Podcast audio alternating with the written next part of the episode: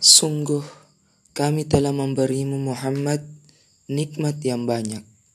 Maka laksanakanlah sholat karena Tuhanmu dan berkurbanlah sebagai ibadah dan mendekatkan diri kepada Allah. Sungguh orang yang membencimu, dialah yang terputus dari rahmat Allah.